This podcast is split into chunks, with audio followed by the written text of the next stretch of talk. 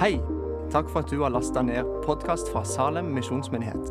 For å finne ut mer om oss, besøk vår hjemmeside salem.as. Hellige Ånd, for at du er her med din kraft og med din kjærlighet og med din nåde, Herre. Vi bare tilber deg, Hellige Gud, Herre. Du er verd all vår tilbedelse, Herre. Og vi bare bøyer våre hjerter for deg, Kong Jesus, Herre. Og vi bare tilber deg, Herre. Og bare ære deg, Pappa Gud i himmelen, Herre. Takk Gud for at du er vår far, Herre. Og at vi skal få lov å kjenne på ditt nærvær, Herre Jesus. Der bare du stiger ned midt iblant oss, Herre, og bare rører med våre hjerter, Herre. Og bare kom, Hellige Ånd. Kom, Hellige Ånd, og berør oss i dag, Herre. Å, Herre, kom inn i vår hage, Herre. Du vår elskede. Du vår elskede, kom inn i vår hage. Kom inn i vårt hjerte, Herre. Og vi bare tilber deg, Jesus, og ære deg, Gud, Herre. Å, halleluja, halleluja. Takk, Jesus. Takk, Jesus, for at når vi er ett i ånden, så blir ingenting umulig for deg, Herre. Og jeg takker deg, Gud, Hellige Ånd, for at vi skal være ett i ånden, Herre. Ett i sinnet og ett i sjelen, Herre. Og vi bare opphøyer ditt hellige navn, Herre. Og vi bare tilber deg, Jesus.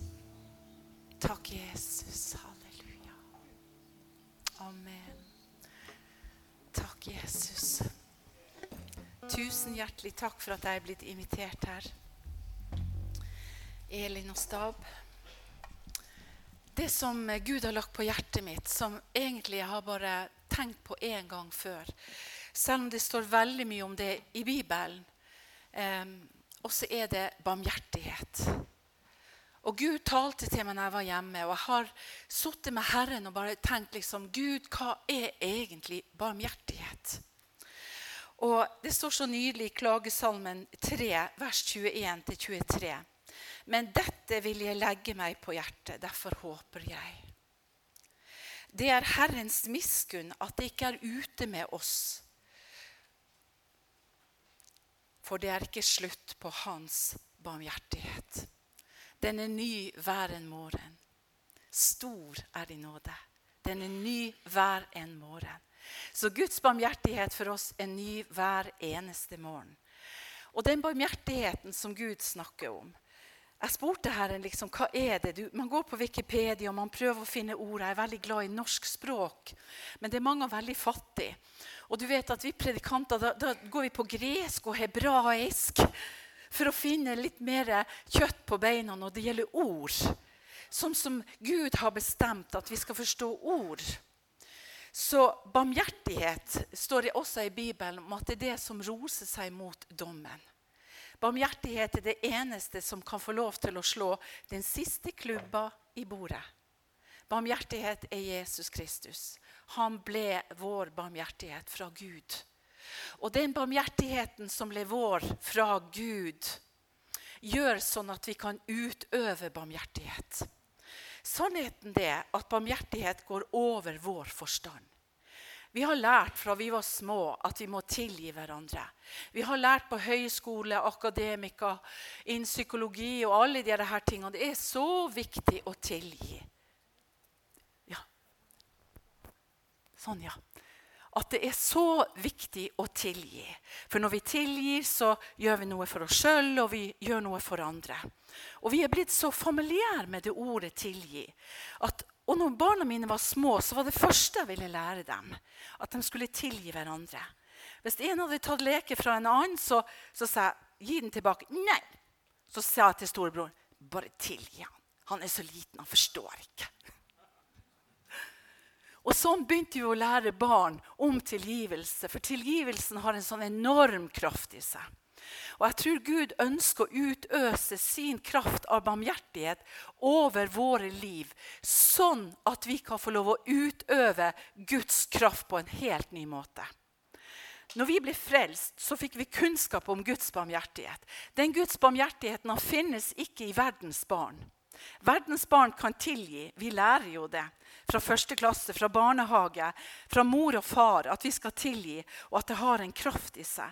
Men den bibelske termen på å leve i komplett tilgivelse, det er Guds barmhjertighet.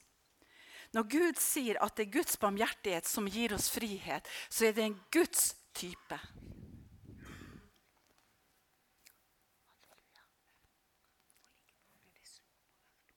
Og akkurat, ja. Sånn, ja. Er det bedre nå? Skal vi se, ta litt hår bak. Så Guds barmhjertighet det er en Guds type tilgivelse. Den er ikke den samme tilgivelsen for å si det rett ut, som er i verden. Verden har ikke fått den barmhjertigheten, eller de skjønner det ikke den barmhjertigheten som egentlig Gud har. Vi kan være snill og grei, ja, og tilgi. Men når vi kommer inn under innflytelse av Den hellige ånd, det at Gud ga oss Jesus ved sin barmhjertighet, så har vi tredd inn i en ny veksel i livet der vi utøver en guddommelig himmelsk kraft. Guds type tilgivelse, som er et fundament til å ha Guds barmhjertighet, er med på å på å si, sette spikeren i kista, hvis vi kan si det sånn. Vi kan ha den siste dommen. Det står I Jakob 2, 13 så står det for dommen skal være uten barmhjertighet mot dem som ikke har vist barmhjertighet. Men barmhjertigheten roser seg mot dommen. Det ble så levende for meg dette at Herren sa til meg når du utøver barmhjertighet, så kan hvem som helst, hva som helst, når som helst snakke stygt om deg. Og du er hele tiden parat til å leve i en tilgivelse. Du trenger ikke å manne deg opp, du trenger ikke å forberede deg. Du trenger ikke å hause noe opp i sjelen din. Men barmhjertigheten roser seg imot dommen, står det. Og tenk mot alle odds, så kan vi sette oss sammen med Jesus og vite med oss sjøl at vi makter alt i Han som gjør oss sterk. For det er Han som er barmhjertigheten fra Gud. På hebraisk så betyr barmhjertighet raham, eller glødende, vedvarende følelse som aldri tar slutt. Vi vet at mange ganger når vi har gitt hverandre eh, tilgivelse, så kjenner vi det liksom på skinnet. At vi må liksom oppøve oss og si at jeg har jo tilgitt, og jeg har jo glemt. Men barmhjertigheten den går inn i en annen kraft. Den utøver en himmelskraft. Den samme egenskapen som Jesus hadde på korset når han sa, 'Herre Far, tilgi dem, for de vet ikke hva de har gjort'. Barmhjertigheten er en kraft som går igjennom stengte dører. Jesus sa når han kom inn til disiplene, når han hadde vært hos Faderen, så står det det, så kom Jesus gjennom stengte dører, og så ånda han på dem, og så sa han, ta imot Den hellige ånd. Og så sier han, dem dere tilgir, har også jeg tilgitt. Det er ikke snakk om den sjelelige tilgivelsen, der vi skal være gode og greie og ha god moral og vite at tilgivelse er veldig viktig. Men her er det snakk om en annen tilgivelse. Det er snakk om en kraft, et mandat i Den hellige ånd av Guds barmhjertighet.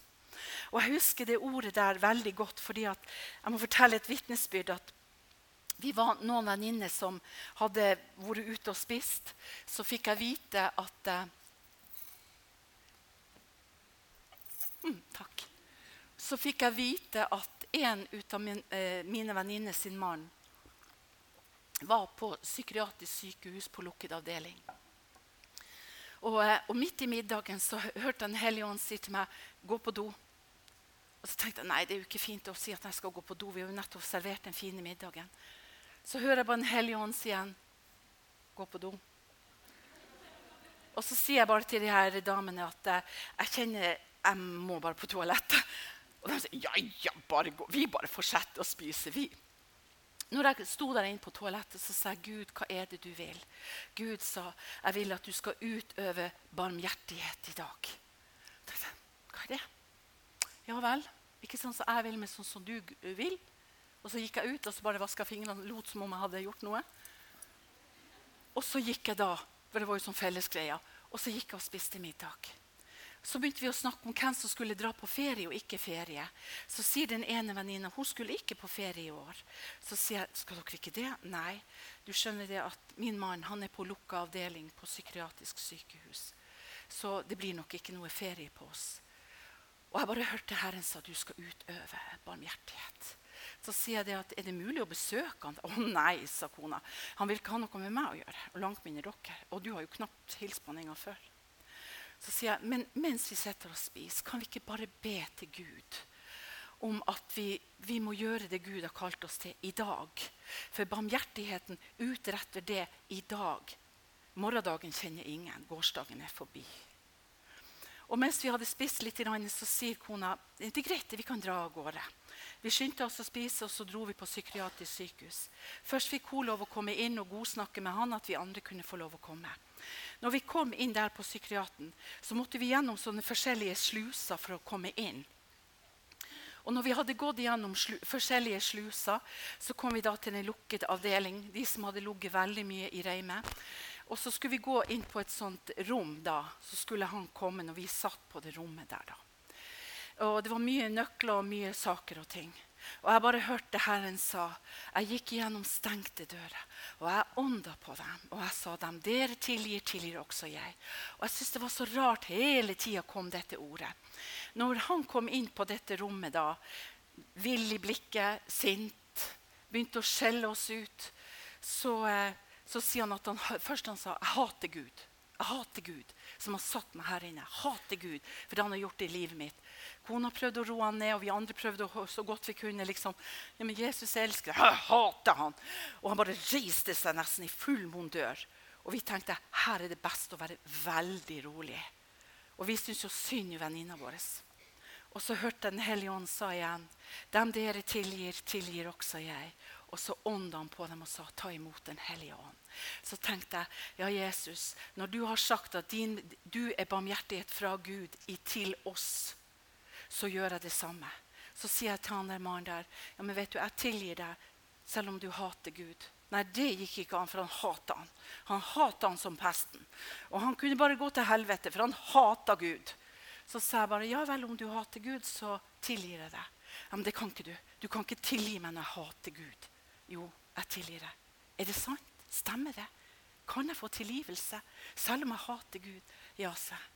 Jeg tilgir deg, sa Idet jeg sa 'jeg tilgir deg', så slår han hendene i ansiktet sitt og så sier han, 'Hvor er Gud?' Så sa jeg, 'Vil du ta imot han i ditt hjerte?' Ja, sa han. Der og da blir denne mannen på psykiatrisk på lukket avdeling frelst og født på ny. Vi bare begynner å gråte, vi bare begynner å tilbe Gud, og så begynner han å profetere. La hendene på han og ba om at han skulle bli født på ny. Og så begynner han å profetere, og så sier han innen fire dager skal jeg være ute av denne institusjonen. sa han. Så sa jeg jeg hørte ikke i Jesu navn. Og så sa han i Jesu navn. Og så sa Herren at tilgivelse, barmhjertigheten i tilgivelsen blant oss kristne har en sånn kraft at den går gjennom stengte dører. Og, og, eh, Da hadde jo vi bedt for han, og sånne ting, så ønska jeg gjerne at kona og de andre som kjente han litt bedre, kunne være alene. Så jeg gikk nå på gangen. Og Noen av dere har kanskje hørt denne historien før. Men Gud sa hele tida til meg barmhjertigheten går gjennom stengte dører. Det, går, det, gjør det umulige mulig. Og Så går jeg ut i gangen, så ser jeg han satt med alle nøkkelhånken, han Maren der, en liten bodybuilder. Og jeg tenker at jeg går nå bare mot døra. Og når jeg bare går imot denne døra, som hadde tre sånne lås, så bare hører jeg Den hellige ånd si bare skyv opp døra. Og så skjøv jeg bare opp døra. Å, så så jeg bakpå han. Og han begynte å rope og løpe mot meg og sa Å, herregud! Eh, og så tenkte jeg den der tar jeg, når han ropte på Gud.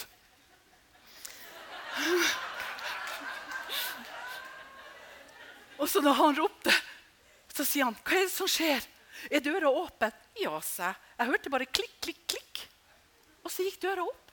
Så sa han, 'Det der må du ikke si til noen', sa han. For du skjønner, Her har jeg ansvaret på avdelinga i dag. Og hva du tror hvis 14 pasienter hadde dratt ut? Hva, hva tror du som hadde skjedd med meg da? sa han. Så sa jeg, men vet du hva, døra din bare gikk opp. Ja, sa han, det er sikkert jeg som har glemt det. Så tenkte jeg ja, ja. Så gikk vi videre til neste sluse. Og siden jeg hadde gått sånn en par bein foran han, så endte det med at jeg gikk foran han likevel. Så kom vi til neste sluse, og så sier bare Herren til meg Skjønte ikke du det? At barmhjertigheten går gjennom stengte dører. Og så sier Herren, ikke ta i døra, men bare Og så gjorde jeg det. Jeg gjorde bare sånn forsiktig. og hører bare klikk, klikk, klikk. Og der går den døra opp. Da tar han seg til hodet det han ikke hadde. Han tok seg til håret det han ikke hadde. Og så bare begynner han å rope 'Herregud, hva er det her?' Så sa jeg du skjønner det, Jesus han går gjennom stengte dører. Den mannen der inne han er blitt frelst. Innen fire dager så skal han ut herifra. Ja, det kan vi bli to om. Ja, Det må vel mellom deg og Gud, sa Du har jo ropt på han et par ganger. så sa jeg bare det. Og du skal bare se. Disse dørene var stengt. Men Jesus sier han går igjennom stengte dører. Hans barmhjertighet det er noe langt. Hver morgen varer han, kommer hans barmhjertighet. Den varer hele tiden. Guds barmhjertighet. Og når jeg kom ut av den døra, så lovte han at jeg ikke skulle si det til noen. I hvert fall ingen kjente at disse dørene var åpne. Så sa jeg til han at det er ikke, jeg kan trøste deg med å si det er ikke du som har, låst, som har glemt å låse. Du skjønner Det det er Herren som går gjennom stengte dører. Og vet du, Han vil demonstrere det for meg. Og jeg trengte den demonstrasjonen i dag. sa For det var det bibelverset jeg fikk når vi gikk inn til denne mannen på lukket avdeling. Og så sa han kan Gud gjøre sånne ting. Ja, sånne ting kan Gud gjøre. Så du skal bare ta lenka med deg, seg, lås døren og gå og sette deg til mine venner og kommer tilbake. Og lås opp til dem.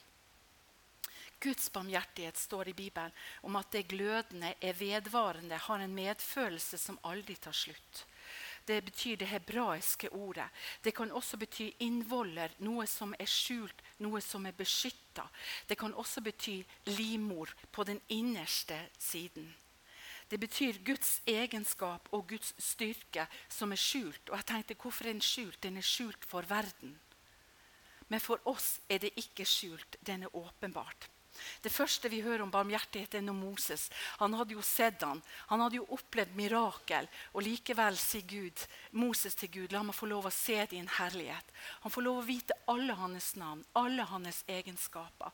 Men så sier plutselig Gud i 2. Mosebok 34.: Jeg skal være barmhjertig mot dem jeg vil være barmhjertig mot. Så med andre ord det er Guds sitt initiativ å være barmhjertig.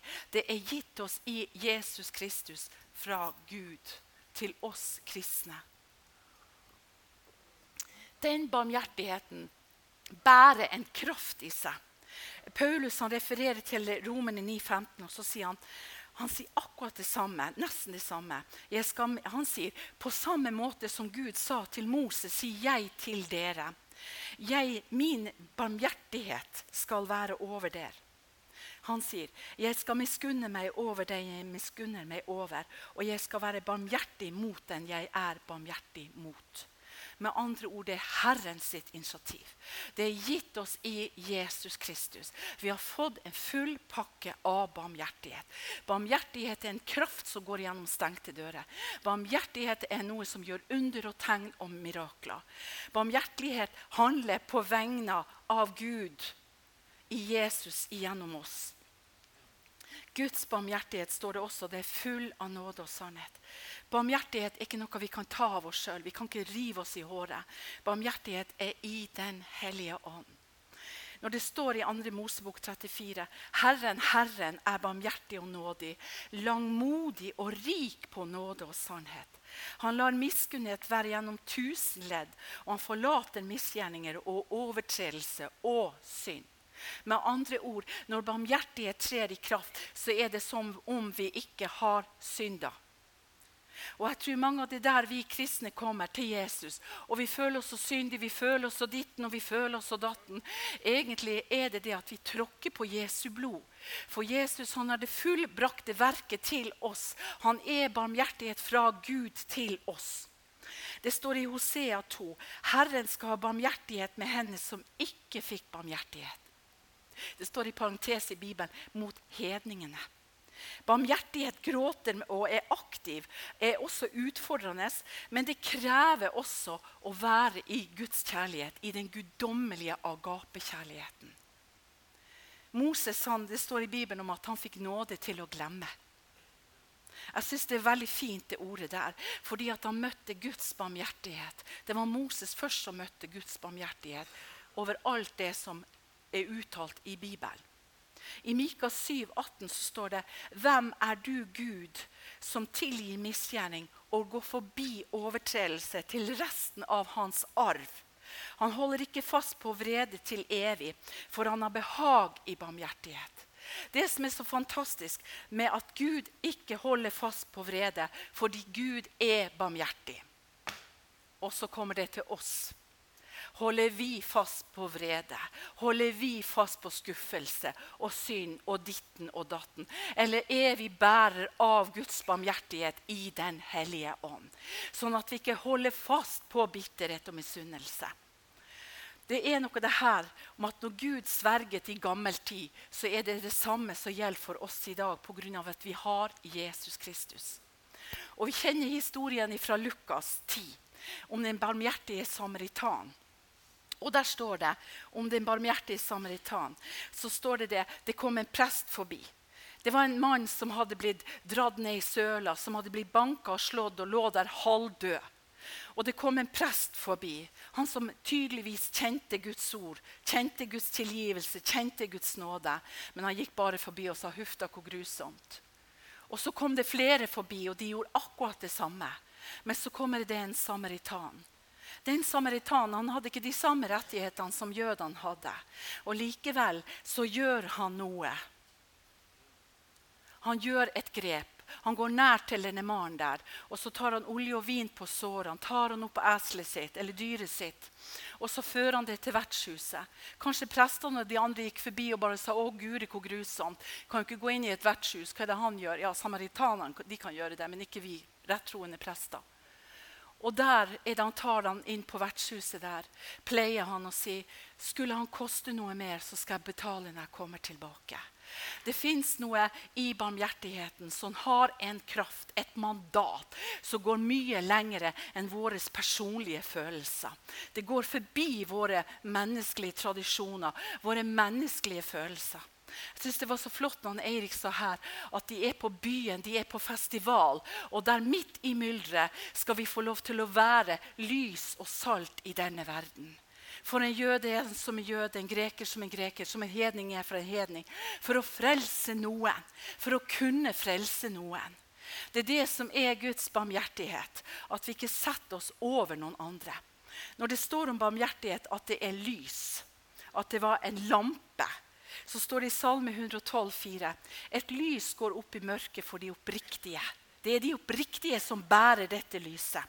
For dem som er nådig og barmhjertig og rettferdig. Det er dem som det går dette lyset. Og jeg tror Gud ønsker at vi skal være et sånt lys i dag. Som nesten har et neonlys, hvis det går an å si det på den måten. Sånn at vi kan gå inn overalt. Sånn at mørkeste mørke blir ikke noe mørkt for oss fordi at vi bærer Guds barmhjertighet. Det er Guds lys som fører denne kraften og skjærer igjennom. I ordspråkene syns jeg så skjønt. Der står det ordspråkene 11-17. En barmhjertig mann gjør vel mot sin egen sjel. Halleluja. Vi spiser jo og gjør godt med vår egen sjel. Men så står det det. Men en hardhjertet mann ødelegger seg selv. Det betyr en hardhjertet mann. Han har ikke fått kjent på Guds barmhjertighet. Når det står om at Herrens miskunnhet er ikke over, står det, og den er ny hver en morgen. Jeg syns det er noe nydelig som står i, i, i Kolossene 3. Og Der står det noe. Jeg har en venn som heter Frans, Frans Fredriksen. Han har gått hjem til Gud for noen år siden. Og han sa til meg vet du, Anje, jeg er så sta, og jeg er så sint mange ganger. Jeg er så uforsonlig. Så jeg har tatt et standpunkt. Så sa jeg ja, hva er det? Og be Gud om tilgivelse for seg. Ja, det var nå den saken. Det gjorde han jo hele tiden. Han var en sånn hardbarka fisker. Men han sa jeg har bestemt meg å gå inn i Kolossene 3 sa han, hver eneste dag. Og i Kolossene 3 så sa han det, for der har Gud nemlig et klesskap. Og der sier Gud at vi skal ikle oss inderlig barmhjertighet. Det er noe som vi skal gjøre hver dag. Så han sier at jeg går inn i klesskapet. Så ber jeg Gud om å avkle meg, for å ikle meg, og for igjen overkle meg med sin herlighet. Sånn at jeg kan utøve Guds barmhjertighet. For det er Guds barmhjertighet som bærer kraften i seg til å gjøre en forandring. Vi vet at når vi utøver Guds barmhjertighet, så kan vi komme i dette eh, påkledningsrommet hos Gud. Så jeg begynte å gjøre det samme. Jeg sa, 'Herre, jeg har et skap, Gud, i Kolossene 3. Jeg sa det til venninna mi òg. Skal vi ikke da virkelig ha et skap i vårt hjerte hver eneste dag? Og det står så nydelig. Derfor må dere, Guds utvalgte, hør, hellige og elskede, ikle dere inderlig barmhjertighet. Godhet, ydmykhet, mildhet og godhet. Så dere bærer over med hverandre og tilgir hverandre hvis den skulle ha noe å bebreide den andre for. Slik til Jesus Kristus tilga dere, skal dere også tilgi. For det fins en måte i verden å tilgi på. Jeg husker når jeg gikk på BI, så snakka vi også veldig mye om når vi skulle coache, at det første var snakk om å tilgi. Vi tar en stein, og så kaster vi den bak oss i ura. Og så går vi ikke og graver etter den etterpå. Men så er det jo noen som elsker å samle på steiner, sa de. For de har tilgitt, men de har et arsenal i hjertet sitt og huet sitt som er fullt av steiner. Så med en gang de blir såra for et eller annet, tar de opp en stein, klasjer de den i hodet på noen. For da kom de tilbake til den sårheten der. Men når Gud sier at vi skal ikle oss, og at vi skal ha den tilgivelsen som er Jesus' tilgivelse Det er Jesus' tilgivelse. Halleluja. Vi blir sikkert prøvd, noen av oss her, på dette med å gå et steg lengre med Gud. Ikke bare det at vi sier at vi tilgir, men at vi utøser den barmhjertigheten over den vi tilgir sånn at vi kan utøse eller ha barmhjertighetens kledning. Sånn at vi alltid kan skjule oss i dette skapet. Kle på oss Guds klær. Guds kledning som står i Kolossene 3,12, gir en autoritet til å løse mennesker med Guds kraft. Med en guddommelig gjenopprettelse. Jesus sa når han kom gjennom stengte dører, dem dere tilgir, tilgir også jeg. Det var ikke snakk om en vanlig tilgivelse, men det var den kraften som Jesus bar med seg. Han ånda på dem og sa ta imot Den hellige ånd. Skal vi være med på å forandre verden i dag, så må vi være bærere av en guddommelig tilgivelse som bærer en kraft av barmhjertighet i seg, som forløser mennesker og setter dem i frihet. Hvis vi ikke har den, så må vi virkelig gå i skapet. I klesskapet. Og si til Gud, Gud, la meg få lov å kle på meg inderlig barmhjertighet, Herre. La meg være bærer av denne drakten, så jeg kan gjøre en forandring der jeg går. Når det står i Kolossene 3, så er det det at Gud ønsker hele tiden å beskytte hjertet vårt.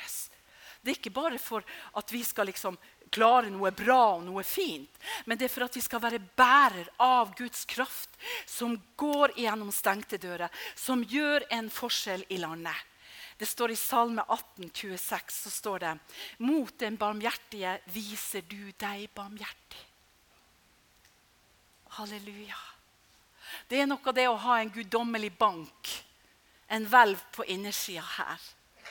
Og bakom disse klærne, som gjør sånn at når vi trenger tilgivelse, så kan vi bare ta ut en veksel til Gud og til hverandre.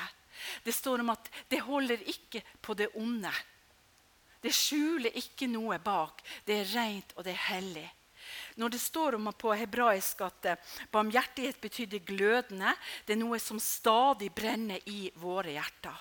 Og vi vet at når Moses møtte Jesus, nei, Gud på fjellet, så var det denne Herrens flamme som ikke slutta. Guds barmhjertighet, den brenner. Det er også sånn at man tenker medlidenhet. Med medlidenhet kontra det her med barmhjertighet så er medlidenhet bare en medfølelse. Vi viser ofte på studiet at det har med en intellektuell empati å gjøre. Den kan oppøves. 'Hun er grei, men hun liker veldig godt likt utseende på henne.' Nei, nei, han der, uff, nei, nei, nei. Så medlidenhet har med empati å gjøre, og den kan læres. Den er intellektuell, og den kan oppøves. Det kan være en tilstand til å føle og til å gi respons. Men barmhjertighet det går gjennom Guds kraft, for den er gjenopprettende. Barmhjertighet er Guds nåde til oss i Jesus Kristus. Jesus sa på korset, 'Tilgi dem, for de vet ikke hva de gjør'. Det er den barmhjertigheten Gud ønsker å gi oss. For den har rota i Gud sjøl, i opphavet. Ikke bare det at barmhjertighet gjør sånn at vi kan tilgi, men det er med å gjenopprette. Ikke bare sånn som det var i går, men sånn som det var sånn som Gud har bestemt. Det er det barmhjertigheten gjør. Når barmhjertigheten gjør det, så er vi i stand til å være med på å slukke alle den brennende piler. Halleluja, halleluja. Det står i første Mosebok at Josef var et bilde på barmhjertighet. Det var ikke målbart av det han kunne gjøre i sin tilstand. Og vi vet at han er også bilde på Jesus. Det er ikke bare det at han tilga foreldrene, eh, eh, brødrene sine, og alt det her, men han gjenoppretta noe. Han sa at de skulle få lov å bo i Gosen, der det aldri hadde vært hungersnød. Det hadde aldri vært til og med landeplagene på Moses sin tid. Der gikk Gosen klar. Gosen er en plass der det gjenopprettes til det som Gud har bestemt fra før du ble født. Det er en barmhjertighet som Gud gir. Ved barmhjertighet så bærer vi det himmelske arsenalet i våre hjerter. Jeg har en par bibelvers igjen. Det står I ordspråkene 3.3 så står det Gi ikke slipp på barmhjertighet og sannhet. Halleluja kjenner vi i, i vår sjel at, at, det er noe som slipper taket. Kom oss i skapet. I omkledningsrommet med Herren.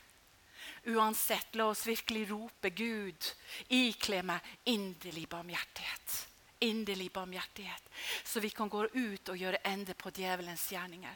Gud ga meg det profetiske ordet når vi for på psykiaten, på stengte dører. Og Herren sa jeg skal vise deg at barmhjertighet det er en tilgivelse, det er en kraft, og jeg går gjennom stengte dører. Jeg fikk lov å oppleve at jeg gikk gjennom dører, slusa, der en mann satt med svære nøkler og bare My God, sa han òg tenkte bare halleluja, han skal bli kjent med Gud. Så Gud ønsker at vi skal finne nåde og god forstand hos Gud ved at vi bærer barmhjertighet. Det står i Matteus 9 noe nydelig. De hadde anklaga Jesus for det ene og det andre. og De syntes kanskje han var litt mild imot den ene og den andre. De syntes kanskje det at han heva seg litt over loven. Og Fariseerne og sadukerene begynte å anklage Jesus og si liksom, 'Hvem er du?' Liksom, 'Vi har loven på vår side.' Og her er det Jesus sier.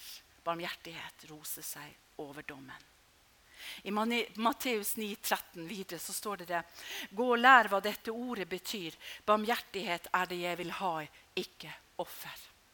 Det er ikke det at vi skal være snille og greie, men det er det at Guds barmhjertighet skal få lov å komme som en miskunnhet fra Herren, som bærer en, en guddommelig kraft i seg. Som utøver det Gud har bestemt. Når det står i Hosea for miskunnhet, barmhjertighet er det det jeg har behag i, ikke offer. Jesus refererte til loven. Han refererte til Hosea 6, 6. Og sånn er det med oss òg. Når vi bærer barmhjertighet i våre hjerter, så refererer vi til ordet. Det ordet. Det er kilden. Det er Jesus. Det er han som er livets opphav. Det er han som er barmhjertighet fra Gud. Da holder vi ikke lenger på gammel synd. Da vet vi bare det at vi tar ikke igjen. Og jeg tror at det er bare vi kristne som kan bære den barmhjertigheten fra Gud. Når det står også en historie om, i 2. Timotius om Onissimus Jeg syns Paulus er veldig tøff. Han sier ikke bare til Onissimus ja, du er nå her i fengsel også. Her i fengsel har jeg truffet en type. Og han var jo egentlig din tjener. Og nå har jeg truffet han her. Han hadde visst mye sølv og edelt, edelt eh, metall fra det. Og nå sitter han i fengsel her. Men nå, når han, han, eh, typen blir eh, frelst, så sier han det at Men nå er din tjener ikke bare lenger en tjener. Han er blitt en fange her i fengsel. Men han er blitt som en sønn for meg. Han har tatt imot Gud i Jesus. Så sier han når han blir satt fri, så kommer jeg til å sende han tilbake til deg.